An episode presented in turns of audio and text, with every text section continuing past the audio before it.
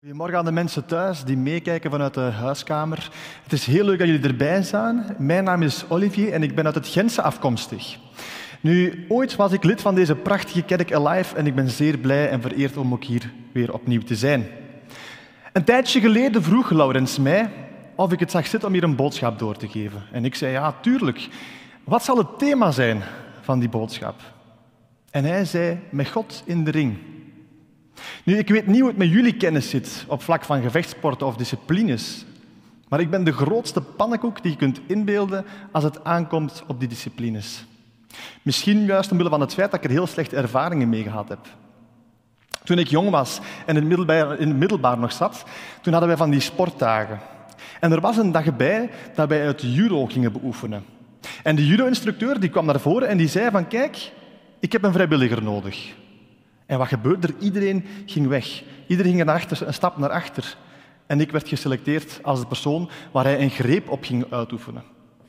Nu, het is ook maar bij één greep gebleven, want nadat hij die greep had gedaan, schoot er iets in mijn rug en heb ik wekenlang rondgelopen met een pijnlijke rug.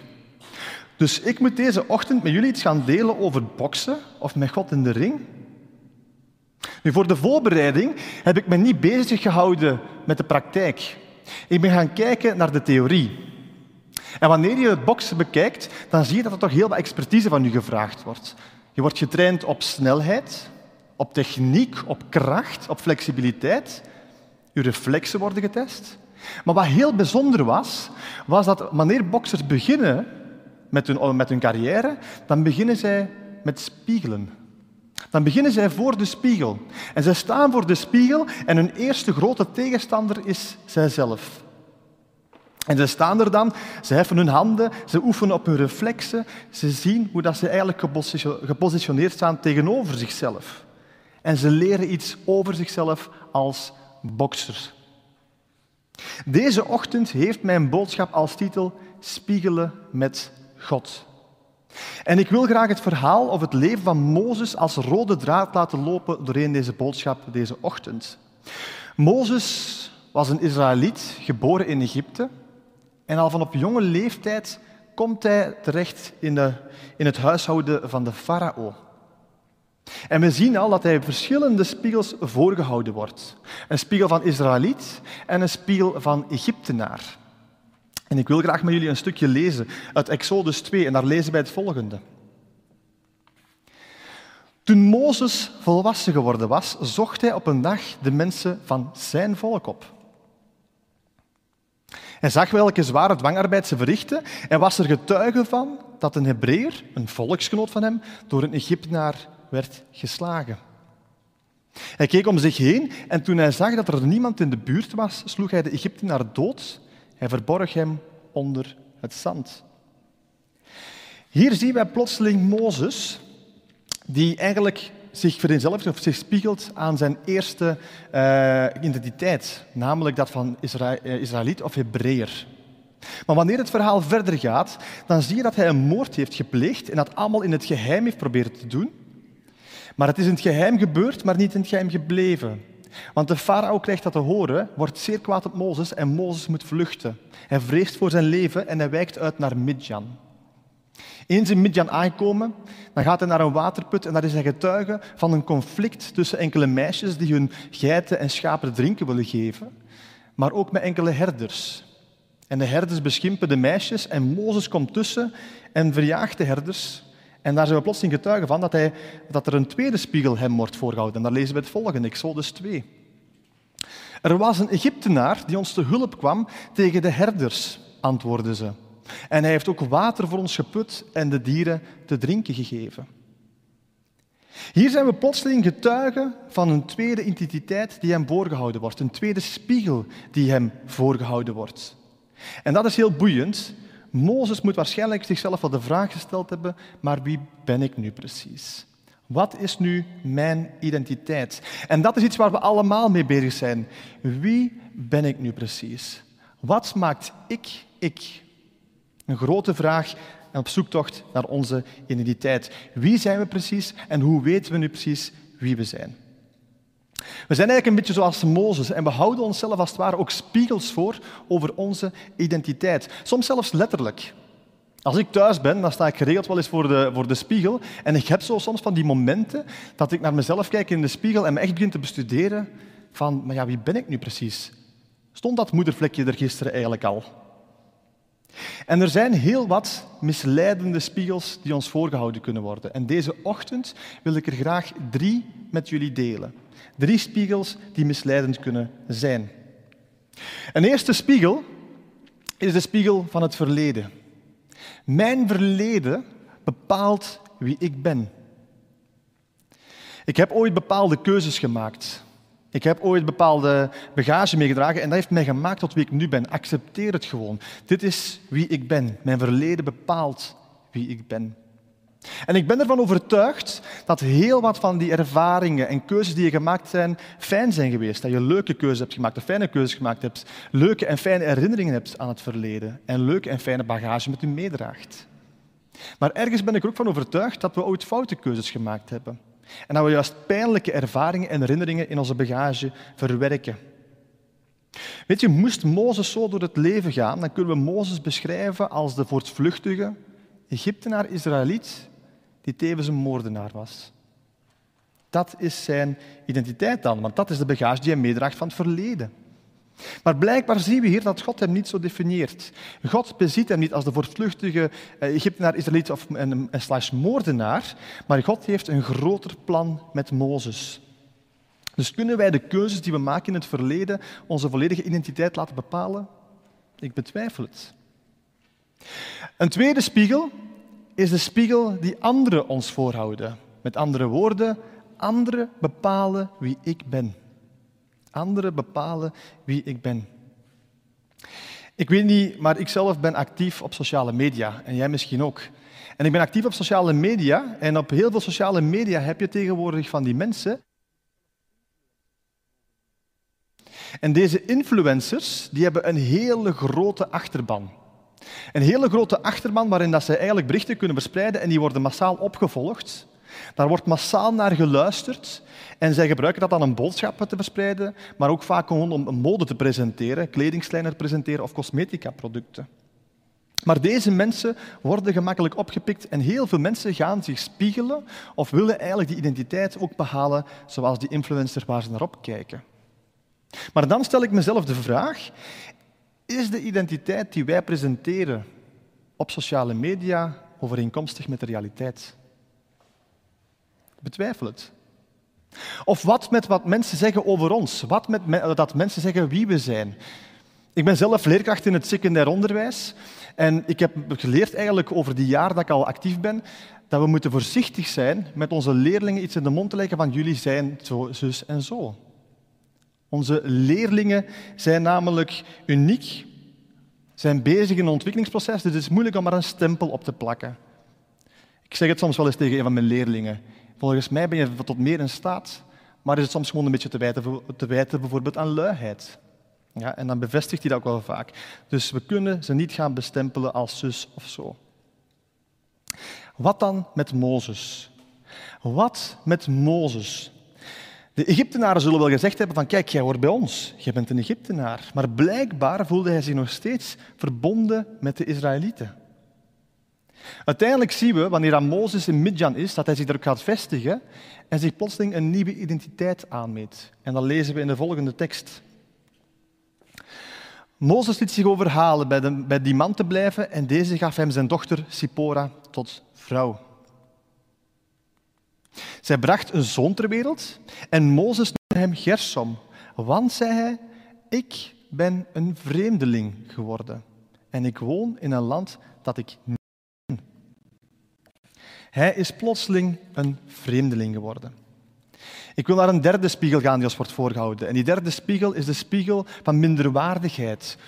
Ik ben niet goed genoeg. Ik kan er ook de andere spiegel tegenover zetten van tegenovergestelde, namelijk hoogmoed. Ik ben alles. Maar nu, ik ben niet goed genoeg, minderwaardigheid. Ik ben het niet waard, ik ben niet bekwaam genoeg, ik ben niet intelligent genoeg, uh, ik ben niet de juiste persoon. Allemaal redenen om geen actie te ondernemen. En dat is soms wat er voorvalt, dat we onszelf redenen gaan opgeven die minderwaardig zijn, die, waardoor we onszelf niet in een actie gaan zetten. Wanneer we kijken naar het leven van Mozes, dan zien we dat hij al een tijdje woont in Midjan. Hij is ondertussen getrouwd en heeft een kind. En hij heeft zijn plaats ingeruild van een, een, een te wonen in het paleis, is hij plotseling herder geworden. En op een dag is hij geiten en schapen aan het weiden en ziet hij iets, iets bizar. Hij ziet namelijk een braamstruik die in brand staat. En hij gaat er een beetje meer naar kijken, want die braamstruik die daar staat, die wordt niet verteerd door het vuur. En hij wil dit uniek verschijnsel van dichtbij gaan bekijken en hij gaat er naartoe en plotseling weer klinkt er een stem die hem bij zijn voornaam aanspreekt. Mozes, Mozes, trek uw sandalen uit, want de grond waar je op staat is heilig. En Mozes gehoorzaamt. En deze stem maakt zich plotseling bekend als de God van Abraham, Isaac en Jacob. En de stem vervolgt. Ik heb gezien hoe mijn volk lijdt. Ik heb gezien hoe dat ze afzien in de slavernij. En ik heb besloten om ze uit de slavernij weg te halen uit Egypte en ze naar een nieuw land te brengen. En dan zegt hij plotseling het volgende tegen Mozes. Daarom stuur ik jou naar de farao. Jij moet mijn volk, de Israëlieten, uit Egypte wegleiden. God geeft plotseling een opdracht aan Mozes. En hoe reageert Mozes op die opdracht? Mozes zei, maar, maar wie ben ik? Dat ik naar de farao zou gaan en de Israëlieten uit Egypte zou leiden. Wie ben ik precies? En dan ontstaat er plotseling een interessante dialoog tussen God en Mozes, waarin God reden aanhaalt en zijn motivatie aanhaalt waarom hij de, Egypte, de Israëlieten uit Egypte wil wegleiden. En komt er vaak een tegenreactie van Mozes. Zo gaat Mozes verder in zijn betoog. Exodus 4, vers 1. Weer maakte Mozes bezwaar. Ze zullen me vast niet geloven en niet naar me luisteren, zei hij. Iets verder lezen we het volgende, vers 10. Maar Mozes antwoordde, neemt u mij niet kwalijk, heer, maar ik ben eigenlijk geen goede spreker. Dat is altijd al zo geweest. En daar is geen verandering in gekomen nu u tegen mij, uw dienaar, gesproken hebt. Ik kan nooit de juiste woorden vinden. Mozes gaat in tegen de opdracht die God hem geeft.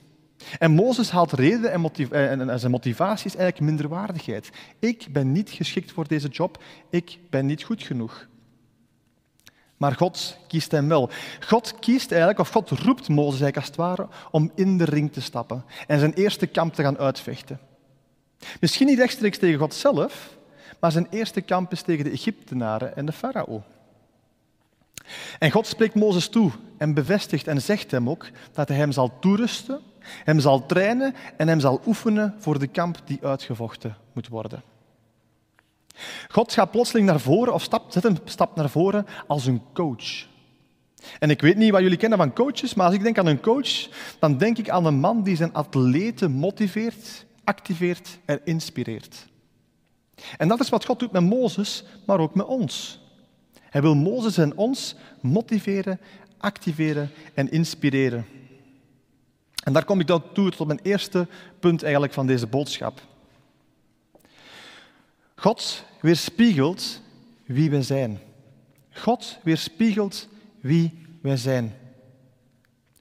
Hoe hard we ook bezig zijn met onze eigen identiteit te achterhalen, hoe hard we ook bezig zijn van wie ben ik nu precies, is hier plotseling een God die al lang voordat wij bestonden al gezegd heeft wie we zijn. Die ons al lang geleden een identiteit heeft toegekend. Zo lezen we in het begin van de Bijbel in Genesis 1 het volgende. In Genesis 1 lezen we, God zei, laten wij mensen maken die ons evenbeeld zijn en die op ons lijken. Zij moeten heerschappij voeren over de vissen van de zee en de vogels van de hemel, over het vee, over de hele aarde en over alles wat daarop rondkruipt. God schiep de mens als een evenbeeld, als evenbeeld van God schiep hij hem. Mannelijk en vrouwelijk schiep hij de mensen. Hij geeft al van bij de start een waarde aan de mens. We zijn gemaakt naar zijn evenbeeld, prachtig gemaakt, belangrijk in zijn ogen. Daarnaast ziet hij dat we ook al van de start al betekenis hebben gekregen. We hebben een opdracht gekregen om zorg te dragen voor datgene wat hij gemaakt heeft. We zien dat God ons het liefde heeft gemaakt, waarde en betekenis geeft en met ons aan de slag wilt gaan. En hij zag dat het zeer goed was. Dus de vraag begint hier misschien niet met wie ben ik nu precies, maar misschien begint het eigenlijk met een mededeling. De mededeling dat God van ons houdt, Dat God ons gemaakt heeft en de spiegel wilt voorleggen van kijk, je bent belangrijk, je bent prachtig gemaakt, je bent van waarde en je hebt betekenis. Je bent mijn kind. En we zien dan ook dat God besluit om naar zijn mensen om te kijken, dat hij belangrijk vindt om om te kijken naar wat hij gemaakt heeft. In het verhaal van Mozes zien we bijvoorbeeld dat hij zich bekommert om het volk dat in, in slavernij gebukt gaat. Die jammeren enzovoort. En God zegt, ik heb hun jammeren aangetrokken. Dan stel ik mezelf de vraag, wat doe ik daar nu precies mee? Hoe ga ik daar nu precies mee om? Ga ik de hele tijd achterhalen wie ik zelf ben en probeer ik dat zelf in te vullen? Of ga ik misschien luisteren naar iemand die mijn identiteit al vastgelegd heeft en zegt wie ik ben? Ben ik misschien bereid om een coach onder de arm te nemen die mij gaat motiveren, activeren en inspireren? En die mij vertelt wie ik ben? Naast het feit dat God weerspiegelt wie we zijn, kom ik tot een tweede punt. God weerspiegelt ook wie we zullen zijn. God weerspiegelt wie we zullen zijn. Wanneer we besluiten dat God ons mag coachen, dan is Hij bereid om ons klaar te stomen voor de kampen die voor ons liggen. Dan is Hij bereid om ons aan de slag te gaan. En dat is heel vaak waar je ziet in het boksen. Dat is vaak het moment dat een coach in de boksdiscipline zelf in de ring stapt, tegenover zijn atleet staat en hem gaat oefenen in de strijd. En heel vaak gaat de coach dan juist wijzen op zwaktes en de vinger op de wonden leggen. Zaken die nog getraind moeten worden. Zaken die nog uitgerust moeten worden. Om die zwaktes juist om te buigen naar sterktes. Want als de zwaktes zwaktes blijven, dan kan dat misschien de oorzaak zijn van een verlies. En dat is het laatste wat de coach wilt. En dat is wat we ook zien eigenlijk. God geeft Mozes een voorsmaakje van de realiteit. En wilt graag Mozes uitrusten voor de kamp die hij gaat moeten uitvechten. Tegen de Egyptenaren en tegen de farao. Zo had Mozes opgeworpen, herinnert u. Ik ben geen goed spreker. Ik weet niet wat ik moet zeggen. En plotseling zegt God het volgende in vers 12. Ga nu, want ik zal bij je zijn als je moet spreken en je de woorden in de mond leggen. God zegt, ik zal bij u zijn en ik zal u de woorden in de mond leggen. Dus God geeft hier als het ware een voorsmaakje aan Mozes van de realiteit. Hij bevestigt dat hij bij hem zal zijn, dat hij hem zal uitrusten en toerusten en zal trainen. Wanneer je de tekst er verder op naleest, en ik daag ook uit om dat thuis te lezen, Exodus, een prachtig verhaal. Uh, het zijn langere stukken, lees het zeker nog eens na. Maar dan zie je bijvoorbeeld dat God plotseling aan Mozes vraagt, werp deze staf op de grond. En hij zal in een slang veranderen. En hij doet het, en dat gebeurt ook. Opnieuw geeft Mozes daar een voor, uh, God, uh, God geeft daar Mozes een voorsmaakje van wat er gaat gebeuren in Egypte. En de wonderen die hij daar zal doen. Dan is mijn vraag, waarin wil God ons vandaag de dag toerusten? Wilt hij van ons goede sprekers maken? Wilt hij vandaag van ons eigenlijk uh, dat wij ook staf op de grond smeten, dat hij in een slang zullen veranderen? Nee. Ik denk dat God juist wil dat we meer gaan lijken op hem. Dat we meer gaan lijken op de coach. Dat we ons gaan spiegelen met de coach. Worden als hem. En hoe ziet dat er concreet uit? Want dat lijkt heel vaag, heel ver van ons weg. Ik heb zelf God nog nooit gezien. Hoe kan ik dan weten hoe God eruit ziet en hoe kan ik dan weer spiegelen wie Hij is? Wel, dat klinkt ver van ons bed, maar volgens de Bijbel zie je dat eh, God zelf rijk was en in armoede leefde. Dat God groot was en klein werd. Dat God een persoon werd. Een mens werd. God werd Jezus. Een mens zoals wij. En als God mens werd in Jezus, dan kunnen we Hem persoonlijk leren kennen. Moest ik toen geleefd hebben, dan had ik Hem kunnen horen. Dan had ik Hem kunnen zien. Dan had ik Hem zelfs kunnen aanraken en zelfs kunnen ruiken. Maar dan kan ik Hem op een persoonlijke manier leren kennen. En dan kan ik ook gaan lijken op Hem. Dan kan ik lijken op Jezus. En wanneer we op Jezus gaan gelijken, op Hem lijken, dan zijn we als het ware als een boom die geplant is in goede grond. Die snel kan groeien, maar ook prachtige vrucht kan dragen. En wat voor vruchten zijn dat dan? Wel, in de Bijbel wordt er gesproken over een vrucht die wij kunnen dragen. En dat lezen we in Galaten 5. In Galaten 5 lezen wij het volgende. Maar de vrucht van de geest is liefde, vreugde en vrede. Geduld, vriendelijkheid en goedheid. Geloof, zachtmoedigheid en zelfbeheersing. Dat is de vrucht die God wil dat wij uitdragen. Dat is de vrucht die God wil, waar we onszelf in toerusten, waar we in groeien en uitschijnen naar onze omgeving, die we gaan weerspiegelen in onze omgeving. Ik zou mijn boodschap kunnen samenvatten in de volgende zin.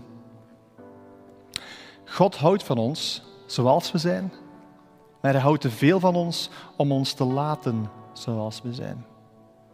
God houdt van ons zoals we zijn, maar hij houdt te veel van ons om ons te laten zoals we zijn. En ik wil dan ook eindigen met een Bijbeltekst. Een Bijbeltekst die komt uit Jacobus. En daar lezen wij het volgende. Dat is een van de Bijbelteksten trouwens waar letterlijk gesproken wordt over een spiegel. En daar staat het volgende. Vergis u niet. Alleen horen is niet genoeg. U moet wat u gehoord hebt ook doen. Want wie de boodschap hoort, maar er niets mee doet, is net als iemand die het gezicht waarmee hij is geboren in de spiegel bekijkt en hij ziet zichzelf, maar zodra hij wegloopt, is hij vergeten hoe hij eruit zag.